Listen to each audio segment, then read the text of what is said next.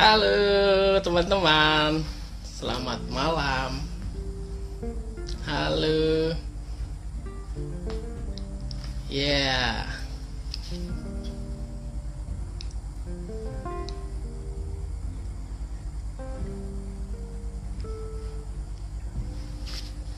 Seperti janji saya beberapa waktu lalu, uh, saya ingin mengundang teman saya yang punya passion di budidaya kopi.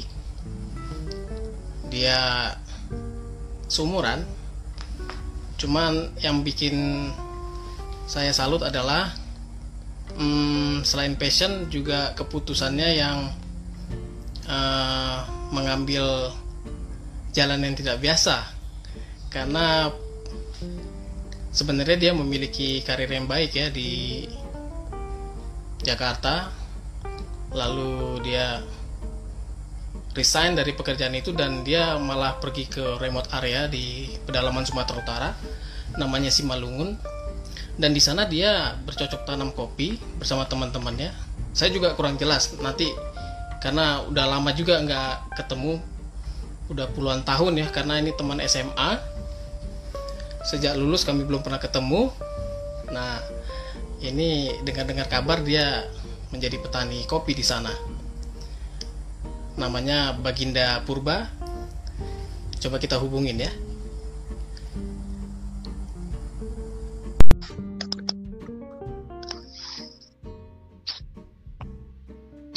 Halo, ah ada hari, ada, ada hari, ada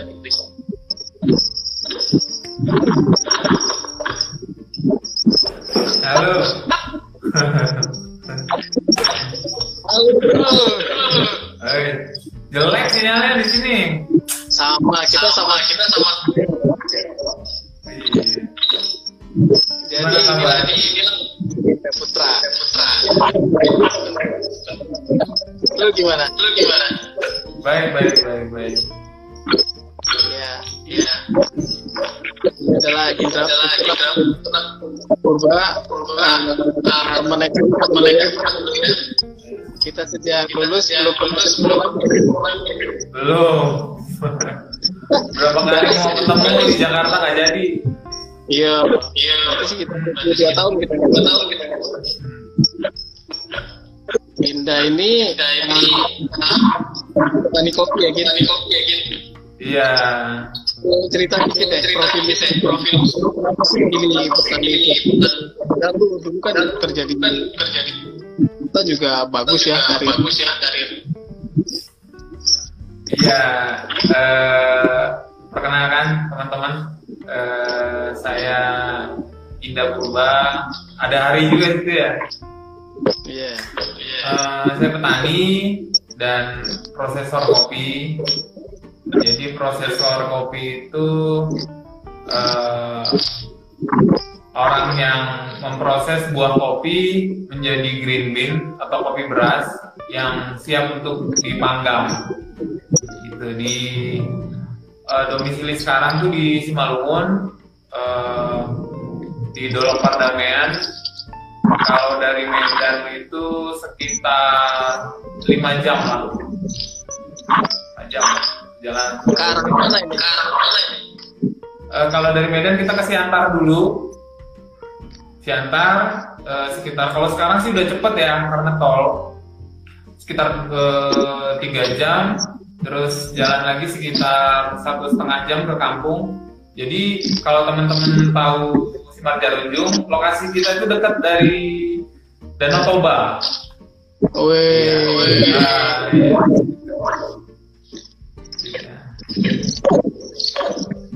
Jadi gini, jadi mungkin lu cerita ya, cerita ya. Hmm. Eh, kenapa lu kenapa bertahan bertahan dan komoditasnya kok komoditasnya kok Di kota panas sih. Nggak, jadi eh, apa ya? Dulu kan eh, pernah punya warung kan ya. Pernah punya warung. Syukurnya bangkrut. Orang kopi di Jakarta. Eh, terus ngelihat nih kayaknya perkembangan kopi uh, lagi bagus nih gitu kan. Waktu di 2017 2016 tuh kalau nggak salah ada 1200 kafe kan di Jakarta sendiri. Uh, ngelihat juga trennya nih naik gitu. Terus dulu sih memang uh, seneng apa ya seneng camping. Seneng camping tuh uh, uh, bersyukur juga tuh orang tua punya lahan kalau punya hutan sendiri kayaknya cakep juga nih pikir. Nah melalui kopi kayaknya tuh kita bisa buat uh, apa ya uh, hutan yang produktif lah gitu. gitu. Hmm. Jadi sejak kapan uh, uh, jadi dulu tuh kan melihat kayak uh, pas di Jakarta sempat buka warung 2 tahun kayaknya uh, perkembangannya gitu-gitu aja kan. Nah aku mikir gimana kalau uh, kita malah nyuplai bahan baku gitu. Jadi di kampung sendiri pun masih bisa untuk berbisnis ke Jakarta. Nah, aku pikir gitu. Ambil keputusan uh, syukurnya juga apa ya istri mendukung gitu keluarga mendukung gitu loh. Jadi karena sekarang sih posisinya uh, keluarga masih di Jakarta. Kita udah ada rencana sih bulan 6 ini mau ke kampung. Cuman ya wabah ini ya kita uh, sabar dulu lah gitu untuk bawa anak istri ke kampung. Suaranya jelas kan ya? Bagus bagus. Tumben ya itu si istri minta logat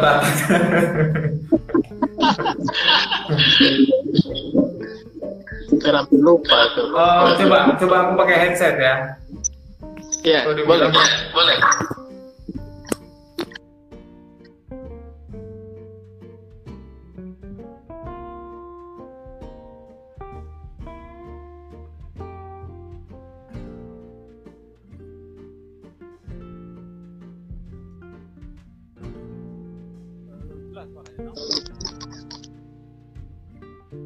Belum terdengar suaranya. Halo, halo. Coba. Volume kali.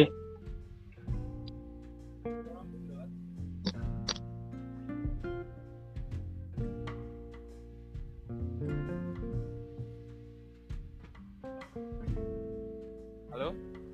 Masih belum? Ya, gitu Ya mungkin agak lu deketin jadinya mic-nya ya. Oh, iya, iya, iya. Jadi tapi memang di tempat lu itu di Simalungun itu memang banyak petani kopi ya, makanya lu ke sana gitu. Nah, itu juga. Jadi di sini kalau kita di sini satu kecamatan itu nama kecamatan kita Dolok Pardamaian Citi. Eh, jadi rata-rata satu kecamatan itu ada 2000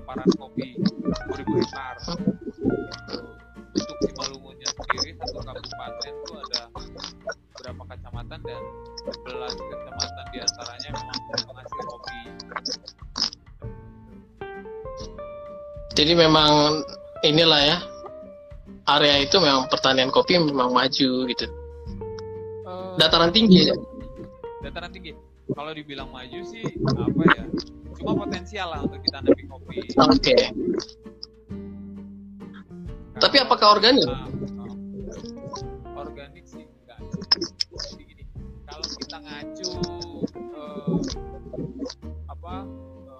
pertanian kopi yang udah well educated itu mungkin kita benchmarknya itu tolak ukurnya itu gayo kan.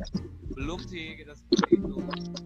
Karena begini eh, di sini pola tanamnya masih random jadi eh, kopi juga menumpang sari.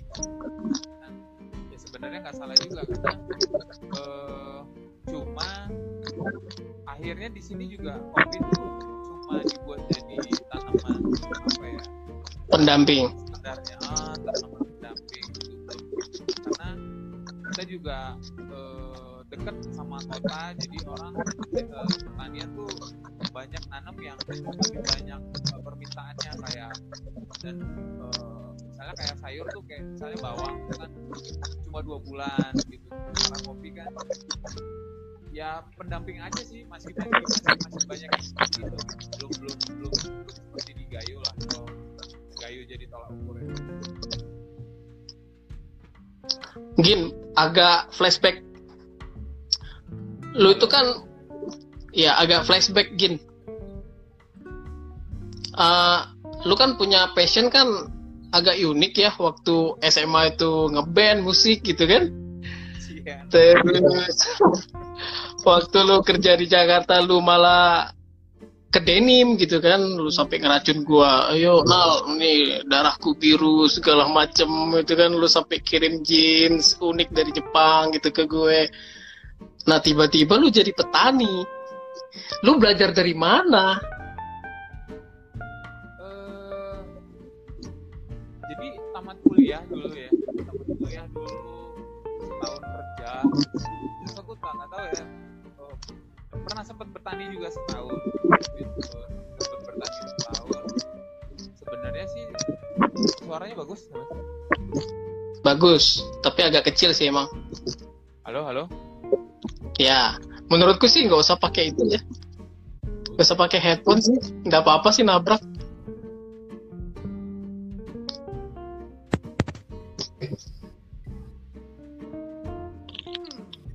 Halo? Ya.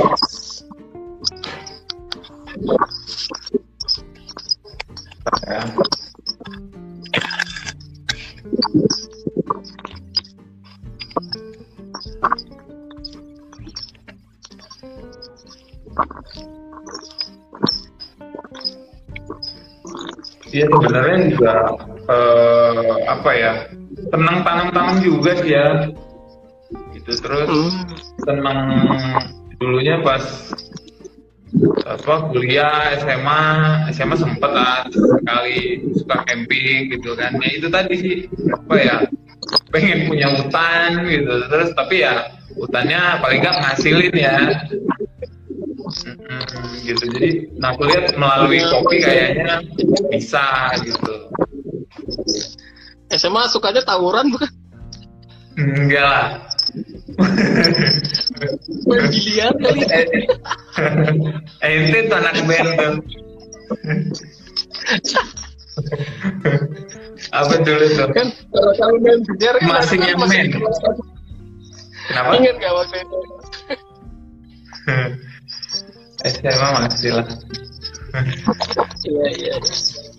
Tapi yang uniknya lu itu bukan hanya dari hulunya ya lu jadi petaninya tapi juga sampai ke hilir lu juga di, di Dolo Hmm. ini tempat lu sekarang kan juga buka coffee shop ya Hmm. Iya kesannya greedy banget ya dari dulu sampai hilir pengen dikerjain semuanya. Nah, itu, itu. Apa tantangan tiap tahap-tahapnya gitu dari lu bertani, persiapan lahan segala macem sampai Oke. lu nyeduh kopinya itu kan juga harus punya pengetahuan sendiri ya. Hmm. Hmm. Cerita deh, mungkin tiap tahap-tahapnya lu tantangan lu apa? Ya.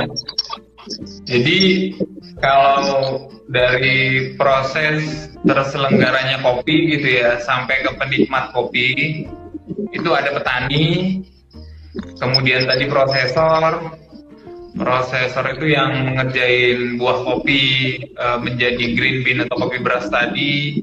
Ada juga petani yang ngerjain sama ya kayak aku prosesor juga. Terus dari situ ke roastery dia yang tugasnya memanggang kopi dari roastery ke barista nah, kemudian eh, tersaji lah gitu ya nah kalau dari petani sendiri eh, tantangannya sebenarnya begini. Eh, kalau untuk petani eh, kita bicara petani Simalungun petani umum lah ya eh, kopi. Eh, kesannya kan apa ya petani itu sekarang masih apa ya eh, masih dibiarin bertarung langsung nih sama pemilik modal. Kan seperti itu. Pasrah pasrah sama harga gitu kan Eh, pasrah Lontang-lantung ya. Mm-mm. tapi kalau aku sih ngelihat sudut pandangnya bukan ke ke si pemilik modal. Ke, ke kitanya dulu nih petani. Misalnya eh, harga itu kita cuma pasrah sama harga kan? Pasrah sama harga. Pasar Gim- hmm, rentenir Ah, gitu ya Iya. Nah, gimana nih caranya supaya kita nggak pasrah sama harga? Kita punya bargain power di situ, punya posisi power yang kuat. Artinya, ya petaninya juga harus kuat kan seperti itu, iya kan? Eh, terus apa ya? Eh, yang kalau aku mikirnya sih- memberdayakan petani apa Hmm, gitu. Eh, jadi kita di sini waktu itu apa ya? Ya. Nah kita nggak bisa nyalahkan itu gitu tadi. Jadi kita juga harus apa ya? eh, ya penuhi kapasitas lah sebagai petani.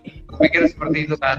Eh, salah satu contohnya misalnya petani selama ini kan masih konsepnya juga masih berdagang dia, belum bermitra gitu. Oke. Nah, dari uh, dari dari proses terselenggaranya kopi ini misalnya uh, berarti konsumen dia itu kan si si roastery atau si kafe misalnya begitu kan. Nah, si kafe juga punya tantangan uh, untuk dapetin biji yang berkualitas dan uh, konsisten uh, supply baik supply maupun kualitas kan seperti itu. Ini, ini gimana ambil dari jalan tengahnya kan seperti itu kan. Jadi enggak ada juga yang gini nih sekarang dimulai trennya kopi ini eh, dibentuk tuh kayak apa ya eh, petani dibuat eh, seperti apa ya wah enak banget nih di hilir misalnya contohnya seperti itu kan. Kita jual segini segini segini nih wah mereka sementara jualnya segi eh, dijual misalnya di kafe empat puluh ribu sementara kita belinya cuma sekilo cuma sekian seperti itu kan. Nah sementara untungnya aku gitu ya pernah punya warung kopi dan bangkrut. Jadi eh, Ah, jadi sementara di hilir sendiri punya permasalahan yang lain, nggak cuma sebatas kopi gitu kan. Dia tuh padat modal. Dia butuh selain kopi dia juga harus mikir gaji karyawan. Kalau saya sewa gedung, terus tuh padat modal, bukan padat aset gitu. Jadi eh, misalnya kayak kursi, meja, ketika dia bangkrut itu jualnya nggak gampang gitu kan. Jadi, nah ini gimana nih supaya istilahnya dari hulu sampai hilir sih sebenarnya yang harus intim gitu. Ini ini ketemu harus harus ketemu yang pas sih. Gitu ya kalau aku pikir. Cuman persoalannya gini, ketika kita bermitra, hmm, kalau aku Hmm. lihat ya, uh, antara hubungan petani sama uh, pembeli gitu, artinya pem- pembeli dalam uh, kuantitas besar korporat gitu, dia biasanya kan volumenya mintanya besar. Sedangkan petani ini kan punya keterbatasan untuk memproduksi jumlah yang besar gitu ya dan Hmm. berkelanjutan gitu. Nah ini gimana teman-teman petani di Simalungun sana di tempat lo bisa matching ini kebutuhannya antara permintaan sama supply-nya dari petani. Gini, kita di sini waktu itu uh, karena karena aku melihat di hilir tuh butuh uh, supply yang konsisten, uh, mulai dari kualitas sampai uh, kuantitas gitu kan. Nah, terus kita di sini bentuk, uh, nah itu tantangannya kan gini, gimana supaya memacu semangat dulu nih kan? Kita bentuk kelompok kecil, kita bentuk kelompok kecil yang bisa sama menyem- menyemangati. Terus kita buat di sini eh, yuk kita proses bareng-bareng. Ya kan? Kita proses bareng-bareng buat SOP yang sama gitu. Jadi ketika ada permintaan kita bisa guyup gitu. atau ada eh, temen yang punya eh, kalau jual sih aku waktu itu bebasin aja gitu ya. Kita kita nggak usah ada ikatan dulu nih. Tapi seenggaknya hmm, eh gue butuh nih bin. Ada yang punya nggak gitu? Nah ketika minta ke kita dia udah tahu kita punya kita punya proses yang sama gitu. Punya punya standar Iya. yang sama. Gitu sih. Nah, kalau untuk kebutuhan besar kelompok lu Gimana? sa- saat ini. Udah ada mitra atau pembeli tetap saat ini? Nah, ini kan eh, di di kelompok ini juga waktu itu aku bilang apa ya? eh kayak ente nih pelari kan gitu ya. Jadi aku aku contohnya pelari ki- kita kita gini kita waktu itu begini ini ini ini proses belajar proses belajar aku bilang eh terus ada juga bilang temen ini lari maraton gitu ini siapin stamina dia bilang gitu jadi kalau bisa sih aku bilang orientasinya jangan di hasil dulu gitu. Kita nikmatin nih proses gitu kan. Karena dari kelompok kita itu juga banyak yang berguguran karena orientasinya langsung hasil gitu. Dia kecewa nih ternyata nggak se se- se- segampang itu gitu kan. Nah, ya. sementara gimana? Nggak sabar ya.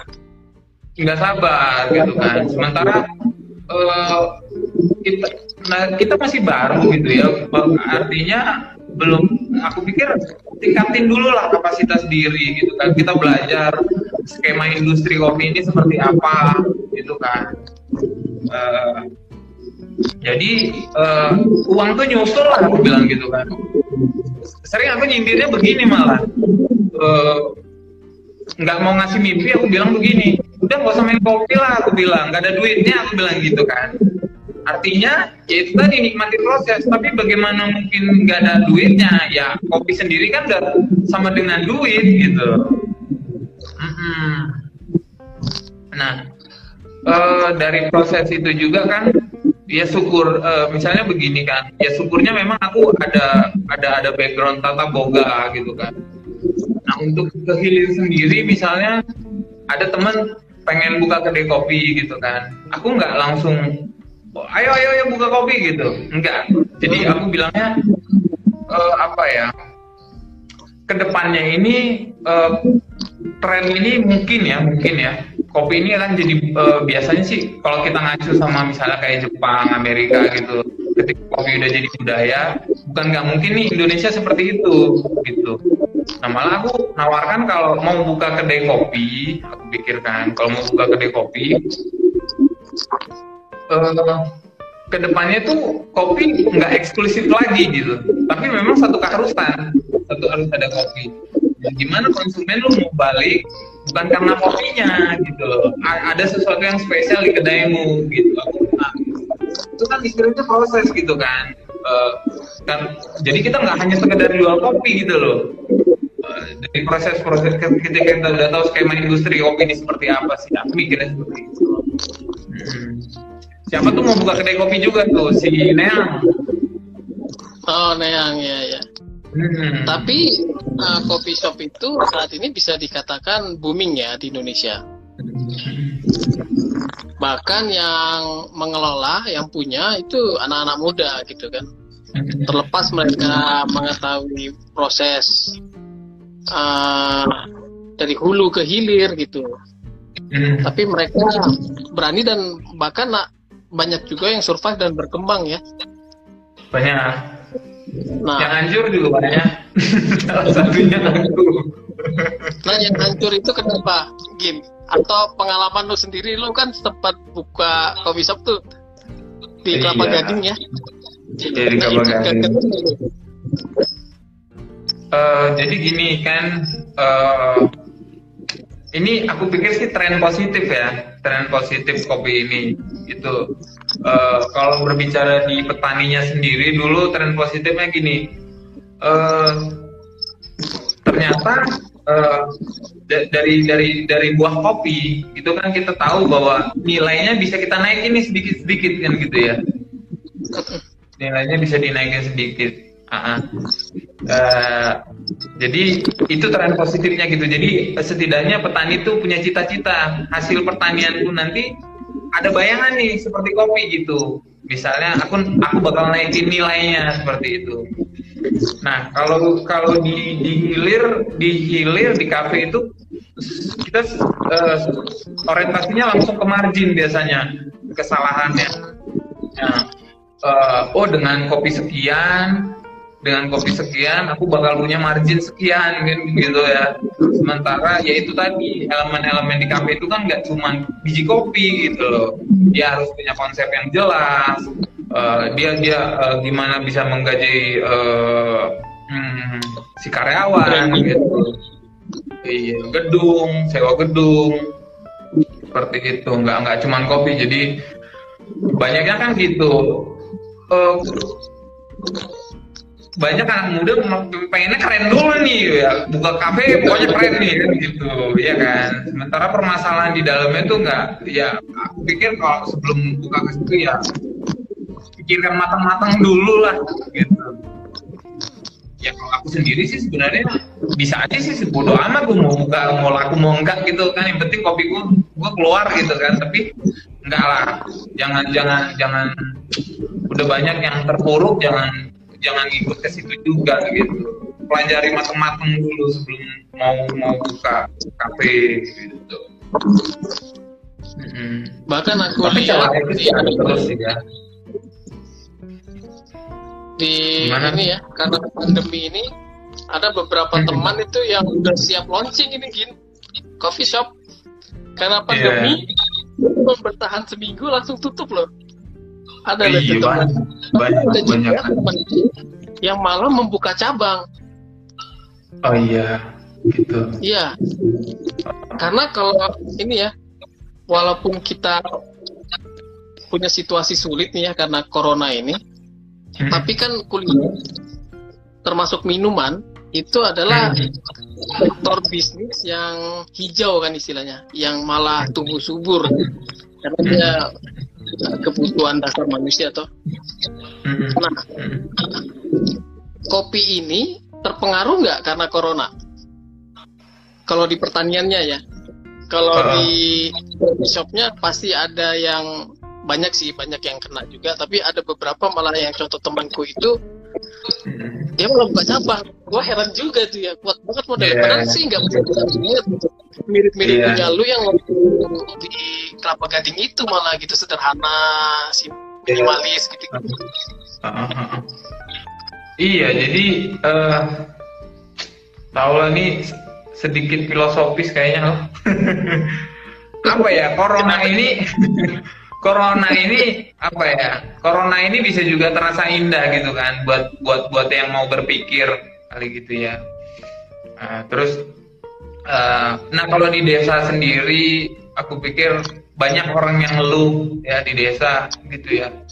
Eh, tanpa mengurangi empati orang yang ada di di perkotaan gitu. Tapi masa iya sih kita di sini sampai kelaparan ya kan kan gitu kalau untuk pertanyaan memang eh, harga-harga pada pada jatuh lah gitu kan karena pasti permintaan juga nggak nggak nggak begitu banyak kan Eh, adalah beberapa komoditi misalnya kayak jahe merah itu eh, di situ itu harganya bagus gitu kan Eh, Iya, iya. untuk karena herbal Hmm. ya hmm, tuh karena imunitas herbal. kita mau beralih ke jahe merah iya. Kan tanaman pendamping tuh kenapa? Kan kopi kan tanaman pendamping tuh. Ah, iya tanaman pendamping. sekarang jadi jahe merah dulu gitu karena harganya lagi bagus gitu. Eh, kemarin ada sih nanam tapi dikit lah gitu kan. Eh, enggak dikit Eh, tapi tiga ton ya. Iya. Eh, Luar ya gitu ya mungkin bu- bukan bukan memanfaatkan situasi tapi setidaknya begini mungkin ketika eh, kopi ini ya kayak kayak kita sendiri eh, ya sekarang kita yang penting bertahan dulu ya karena permintaan kopi juga sedikit gitu.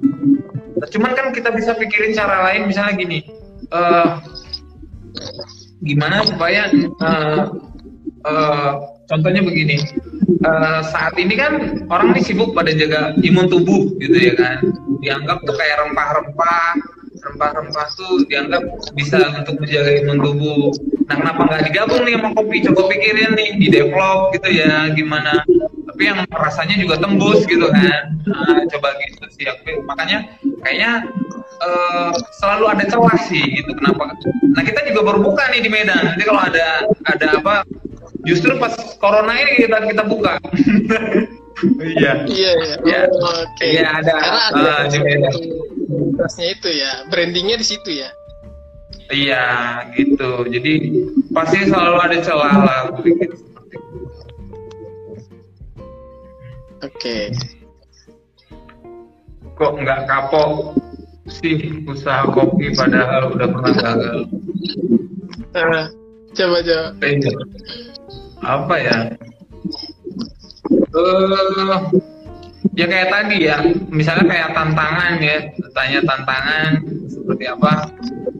Ya, ketika kita aku ngadepin tantangan seperti itu, ah tantangan yang lebih parah udah pernah gitu, jadi ngajar aja. Nyandu ya, nyandu ya. Adventure. iya, udah apa ya? Terus ya di sini juga mungkin aku ngerasa bersyukur ya, gitu kan, hanya eh, di kampung ini ya apa ya ya kayak gitulah. Kayak kita mungkin kalau untuk makan aja pasti sekadar makan dulu lah ya di masa-masa seperti ini kayaknya ya salah gitu kan. Terus eh Kalau dari karakter kopi ya Gin, kan Indonesia ini macam-macam ya di Benar. Sumatera Jawa, terus di Jawa sendiri itu ada macam-macam lah, Sumatera juga. Yang membedakan uh, kopi Jawa dengan karakteristik tanah, iklim gitu ya, atau datarannya juga beda sama di Sumatera? Ada nggak sih ngefek ke karakteristiknya tuh rasa, aroma, segala macam gitu? Iya, ada, ada, ada. Eh, gini ya, kalau aku nyikapin itu eh, nggak ada kopi yang unggul dan nggak ada kopi yang jelek. Artinya, ya mungkin ini keadilan Tuhan ya. Jawa punya karakter seperti ini, Sumatera punya karakter seperti ini, gitu kan. Jadi t- satu lagi juga begitu. Ini kayaknya kan kopi ini udah bisnis yang apa ya? kopi eh, kopi yang pertama kali diperdagangkan itu juga kan secara internasional melalui VOC itu kan kopi Indonesia gitu ya kan jadi kenapa kenapa kayaknya peluang itu ada terus ya mikirnya seperti itu Hmm. dan dulu kita juga dikenal eh, karakter kopi Sumatera kopi Jawa gitu kan dan dulu juga penyebutan kopi itu Java kan seperti itu ya Heeh. dan kopi kita juga kalau di- dibandingin dengan kopi Brazil kopi Sumatera itu harganya dua kali lipat gitu jadi mm, jadi kayaknya nggak nggak eh, dengarnya seperti itu nggak eh, nggak nggak nggak nggak tembus tuh rasanya kalau nggak nggak ada kopi Sumateranya begitu.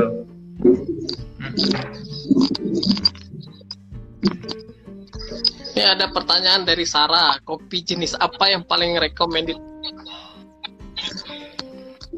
Kopi jenis apa? Kopi Indonesia lah. Banyak kopi jenisnya di Indonesia gitu. Banyak kopi kopi jenis apa nih? Maksudnya apa ya? Eh, kita punya robusta. Kalau dari varietas kan kita punya robusta kita punya arabica terus ada liberica. Liberica itu biasa ditanam di daerah eh, apa ya? Daerah Payau. Daerah apa ya? Daerah eh, gambut. Ah, gitu kan kita punya banyak inilah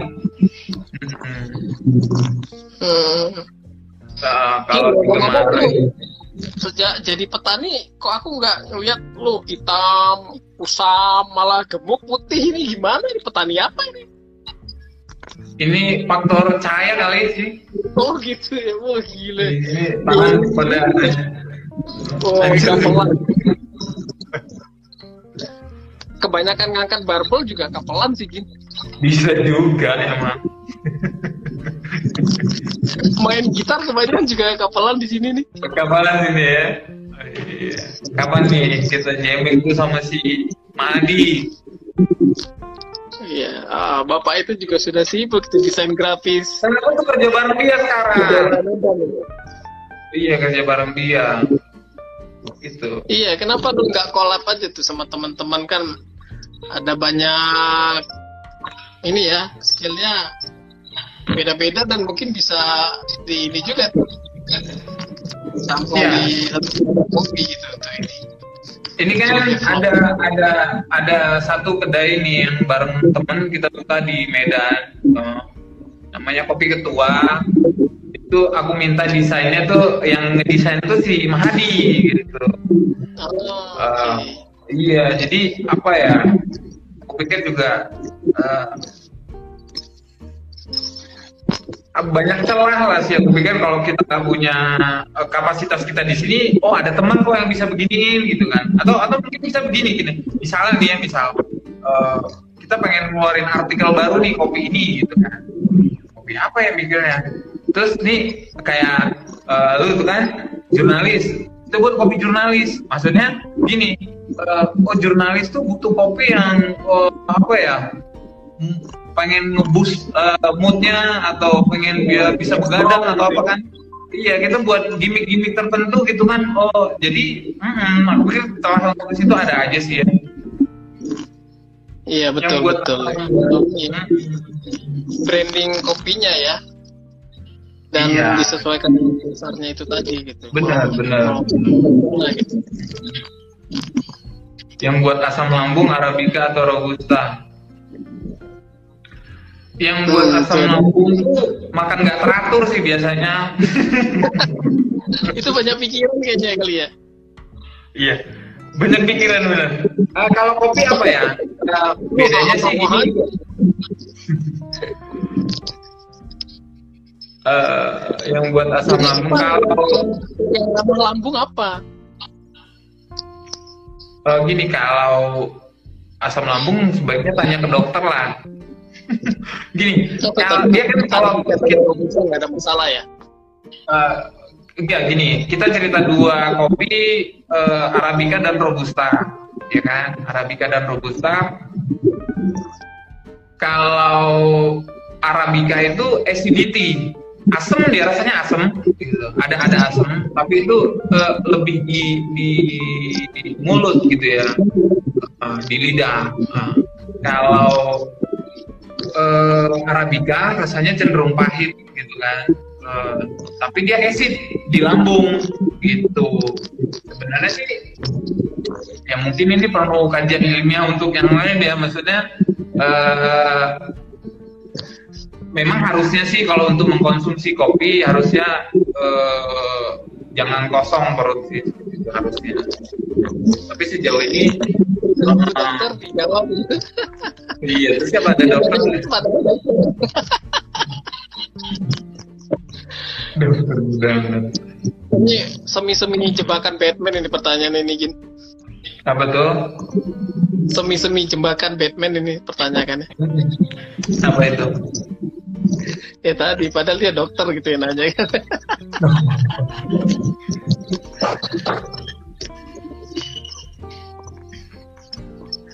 kalau hmm, kalau pertanyaan kopi, apakah bisa otodidak?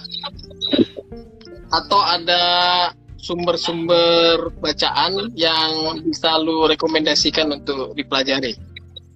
Hmm. Eh, apa ya? Jadi gini, eh, yang aku yakini itu ya, nggak tahu lah keyakinan orang seperti apa. Maksudnya begini, eh, eh, apa? Kayaknya tuh bertani itu sih eh, bakat alami. Maksudnya bakat alami itu gini, dari awal peradaban manusia juga kayaknya dimulai dari pertanian gitu ya. Kayaknya kita punya eh, untuk rasa untuk bertani, kita senang eh, ngelihat pemandangan gitu kan. Jadi ngelihat tanaman juga kita pasti senang gitu. Nah itu tadi untuk kalau otodidak aku pikir bisa gitu, Ter- eh, bisa sih gitu.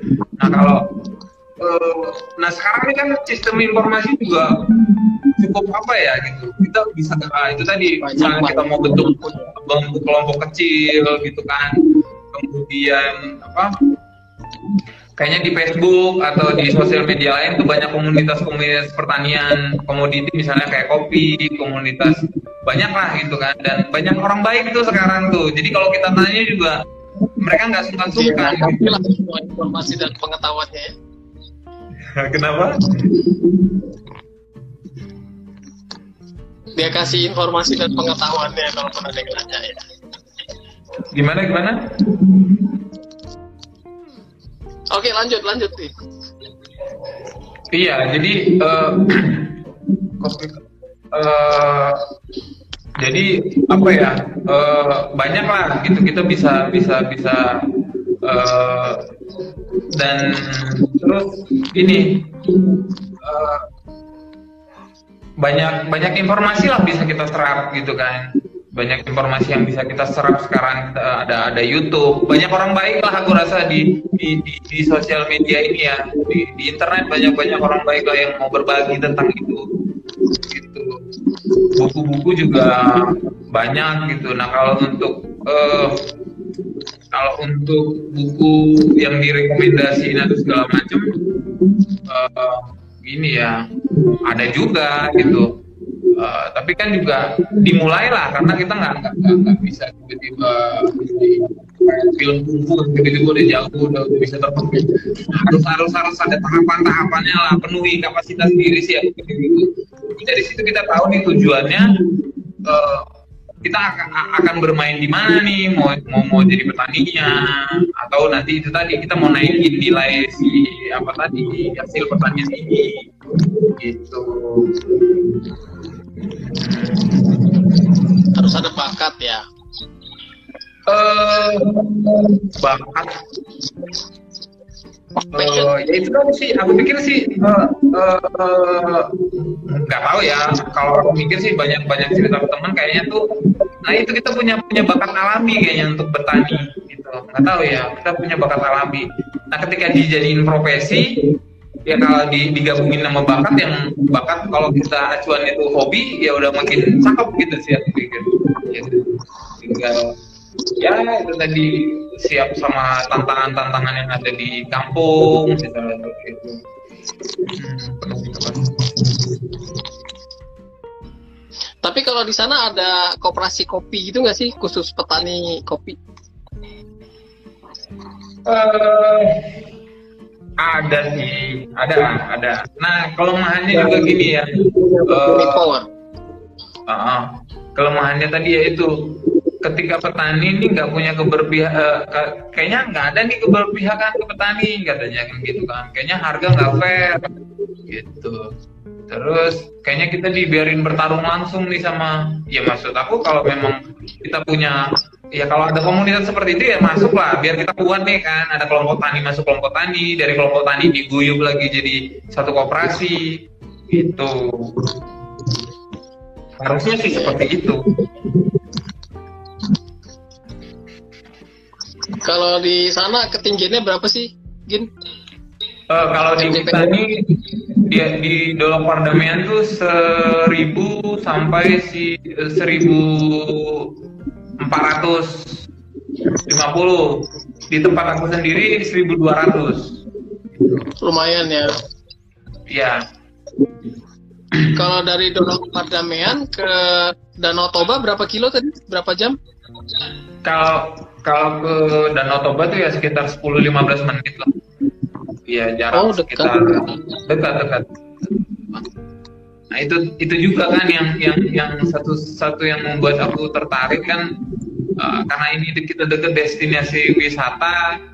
Hmm, jadi eh, mungkin ya kalau nanti kita buka apa gitu. Jadi eh, kita bisa buat jadi macam agrowisata mungkin nantinya ke depannya mudah-mudahan ya Apalagi Danau Toba menjadi objek wisata utama ya, yang top 5 kan, yang akan dikembangkan Iya, Pemerintahan iya, kan, Jokowi. ada program oh, itu nanti eh, kayaknya nih nanti ada eh, tol yang langsung dari Medan ke Parapat.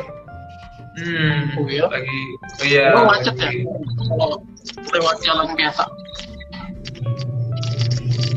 Gimana? Ada tol segala nanti bakal dibangun. Iya, ini mau dikembangin ke Siantar, nanti ada juga yang langsung ke ke Parapat gitu. Oke. Wah itu menarik itu kalau memang ada wisata sport, wisata olahraga. Iya, kalau di iya, Danau iya. Itu cuman satu tuh yang aku tahu ada race lomba lari di sana baru satu tuh di Samukirnya tuh. Oh gitu. Terus kapan pulang ke Medan? Hmm? Main kita kemari. Siap. Mahal banget tiket pesawat ke Sumatera Utara, sebel aku. Iya ya. Ente bilang mahal ke, ke Sumatera Utara tapi ke ini ke Surako. jalan-jalan ke luar negeri mulu nih orang. Karena lebih murah tiketnya. Oh lebih murah ya. Iya, kecuali gua ke mana ke Buram. Jadi apa uh, your future plan, Kit? eh future plan-nya gitu. Eh, kalau aku sekarang eh, mikir gini, yaitu aku pengen eh, kerjasama yang baik lah sama hilir gitu. Eh, sekarang kita nggak hanya jual, kalau sekarang kan posisi kita nih eh, memproduksi green bean tadi atau kopi beras kan. Eh, nah karena ada latar belakang di tata boga juga kita jual justru jual konsep nih ke ke, ke hilir gitu selain kopi ini tadi itu Eh, karena kita juga aku sebenarnya eh,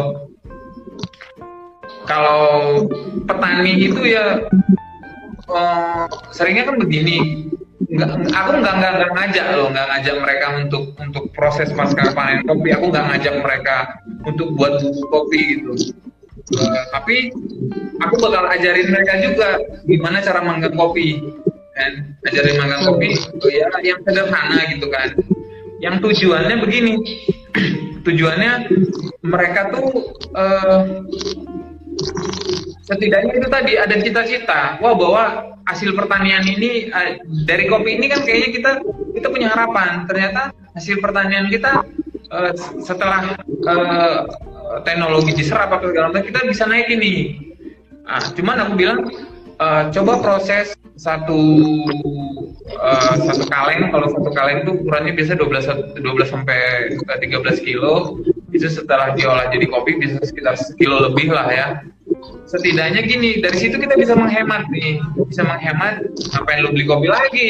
Kopi bisa buat sendiri. Itu udah menghemat. Terus dia punya cita-cita nih. Setidaknya punya cita-cita. Punya cita-cita wah ini kalau dikembangin nih atau pertanyaannya itu eh, uniknya kopi nih eh, tingkat penasarannya tinggi gitu kan. Dia ketika dia proses kopi eh, mungkin ada ketemu yang aneh apa segala ini salahnya di mana nih? Apa di pertanian? Ah, di lahan atau di mana gitu kan? Nah terus dia bisa punya cita-cita. Nah sekarang ini kan bisa terasa kalau kita tuh apa ya ke- kekurangan eh, kekurangan petani kalau bisa dibilang. Nah si petani nyekolahkan anaknya tuh eh, SMA sarjana ya. Anak petani banyak lah yang sarjana. Aku, aku ya banyak yang sarjana. Tapi setelah lulus sarjana dia merantau kan gitu ke kota. Gitu. Iya, iya, iya. bisa kita bayangin ya maksudnya kalau kita kejar cerita ketahanan pangan kayaknya itu cuma masih cita-cita yang gini-gini aja ya ya mungkin proses dari itu tadi mungkin kan sebenarnya kita butuh gitu loh. Eh, desa ini butuh banget gitu untuk orang-orang yang eh, orang-orang muda gitu yang bawa-bawa perubahan ke sini gitu kan. Eh, dia bisa nggak hanya di pertanian mungkin ya mungkin tata kelola desa yang lebih baik seperti apa gitu. Kalau orang Batak bilang yang istilah marsipaturi hutan api itu ya. Iya mari bantu mari, mari membangun kampung masing-masing Iya. Mame. Iya. Gin, ada nggak sih perbedaan harga antara kopi organik sama non organik? Dan harganya jauh. Oke, ini yang kemarin ya kan, sempat kita buat salah judul ya kan. Jadi gini, eh, ini juga menurutku ya Nana. Jadi eh, ini kalau ber, eh, berbicara kopi organik, aku aku nggak nggak nggak nggak pernah nyaranin untuk orang nanam kopi organik. Tapi kalau aku pribadi sih eh, kayak pestisida, kayak eh, racun rumput, herbisida itu aku nggak pakai memang. Tapi kalau untuk pupuk kimia itu masih aku pakai. Gitu masih aku pakai. Alasannya? Kenapa? Alasannya? eh gini ya alasannya ya sebenarnya aku pengen gini eh pengen ngebuktiin juga gitu ya selama ini kan eh apa kita di sini udah mulai dipermudah. Dipermudah eh, rumput itu nggak perlu diarit nggak perlu dicangkul ada herbisida gitu. Dan dan eh, sepertinya herbisida ini juga yang membuat nah kalau 10 15 tahun yang lalu kopi di sini sempat bagus loh. 10 15 tahun yang lalu sempat bagus eh, sebelum ada herbisida dan apa ya eh, munculnya nama tuh kalau ada kopi sigara rutang juga seperti itu. Panen tuh dulu bener-bener melimpah. Nah ketika dulu anak-anak ditanya gitu kan siapa yang nyekolahkan dia siapa yang memuliakan dia itu kopi gitu hutang-hutang terbayar itulah munculnya kata sigara rutang gitu kan.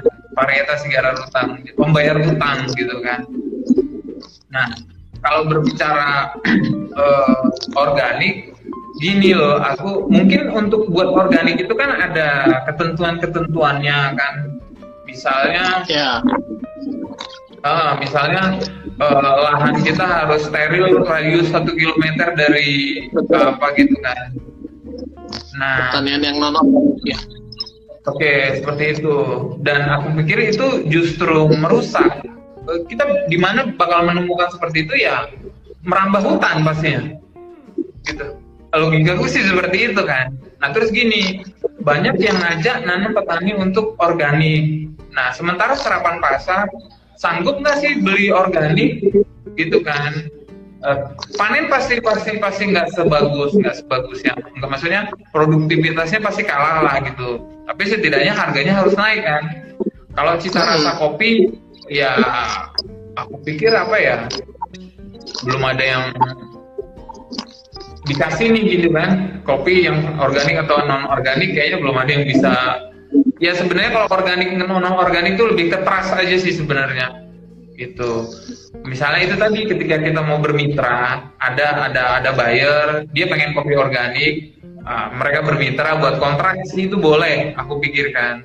Tapi kalau kita saranin nah sementara kopi ini kan katanya tiga tahun juga nggak boleh dikenain organik kan begitu Hmm. Nah di, di tiga tahun ini petani mau makan apa gitu kan? Sementara dia butuh eh, eh, bulanan cash flow harian itu dari tumpang sarinya itu gitu. Malah kalau kita bicara secara umum petani bisa beli pupuk aja itu udah syukur gitu loh. Petani eh, ya pupuk subsidi lah ya kita sekarang juga petani juga sulit nyarinya gitu. Nah dia bisa bisa mupuk aja itu sih udah syukur sih aku pikir gitu kan. Cuman yang jadi kelemahannya biasa begini, kenapa juga kita butuh ningkatin kapasitas atau anak-anak muda bu- butuh turun ke, ke, ke desa. Ketika aku mikirnya eh, bertani itu satu disiplin ilmu, pasti ilmu ini kan dinamis gitu kan, pasti ada perubahan-perubahan gitu. Sementara ini kayak herbisida, eh, racun rumput, aku bukan bilang ini nggak bagus, buktinya izinnya keluar terus kan seperti itu kan. Tapi mungkin petani nggak bijak menggunakannya. Dia udah kayak tukang obat aja campur campur campur gitu kan. Nggak nggak nggak nggak pakai. Brutal ya? Mm-mm, seperti itu sih. Gitu. Ini kita udah memasuki 54 menit nih Gin. Oh iya. Kan kalau lagi satu udah jam jam berapa di sana? Ente masuk Indonesia Timur kan? Tengah, tengah atau di- oh tengah. Oh beda sejam kita. Cuman beda sejam sih plus satu Puasa. jam. puasa lancar sih. Alhamdulillah. masih masih lari juga kalau puasa begitu? Ya nggak jauh-jauh sih, apalagi kondisi Oh. kayak gini ya. Kalau dua tahun terakhir sih aku ngabuburit itu 5 kilo nonstop Oh. selama 30 hari puasa itu tiap ngabuburit lari 5 kilo tapi ini udah Lima kilo ya? ya udah kurang nyaman sih itu lari ya Di sana ketinggian berapa? di sini maksimal cuma 700 Oh, 700. hmm. Jadi 700 tan- tuh 400 sampai 400 sampai 800 tuh potensial untuk robusta sih. oh gitu ya nggak begitu tinggi ya robusta oke ada sih Iya. beberapa kopi lokal di sini ada Ada ya. kopi Tabarano namanya nama daerahnya Oh, gitu. Tabarano Lebaran. nanti kalau kalau ada gua nemu coba gua kirim ke lu ya boleh, boleh, siap, siap. Green bean aja. Kopi Oh, bubuk. Oh, yang mentah nggak ada gitu? bin bin bin Oh, bean ya. Boleh lah. Nanti aku gua kirim lah. Ya. nah, gampang lah itu Iya. oke Agin thank you banget ini sharing dari lu Iya, aku yang makasih nih, Nal. Satu kehormatan lo ini. kapan-kapan kita sambung lagi kalau memang ini Ya, siap, siap. Ya, sehat-sehat ya, bro. santai-santai. Ini banyak pertanyaan dari teman-teman juga tadi ada beberapa yang lewat. Aku lupa pin ya. Oh, boleh, boleh, boleh. Iya. Sukses buat lu Gin sama keluarga sehat-sehat. Sukses ya. Iya, iya. Oke, sampai Ya. jumpa bro. Ya. Salam buat istri ya. Itu siapa? Nuki ya. Iya. siap. Ya. Oke, malam bro. Yuk, selamat malam, Bro.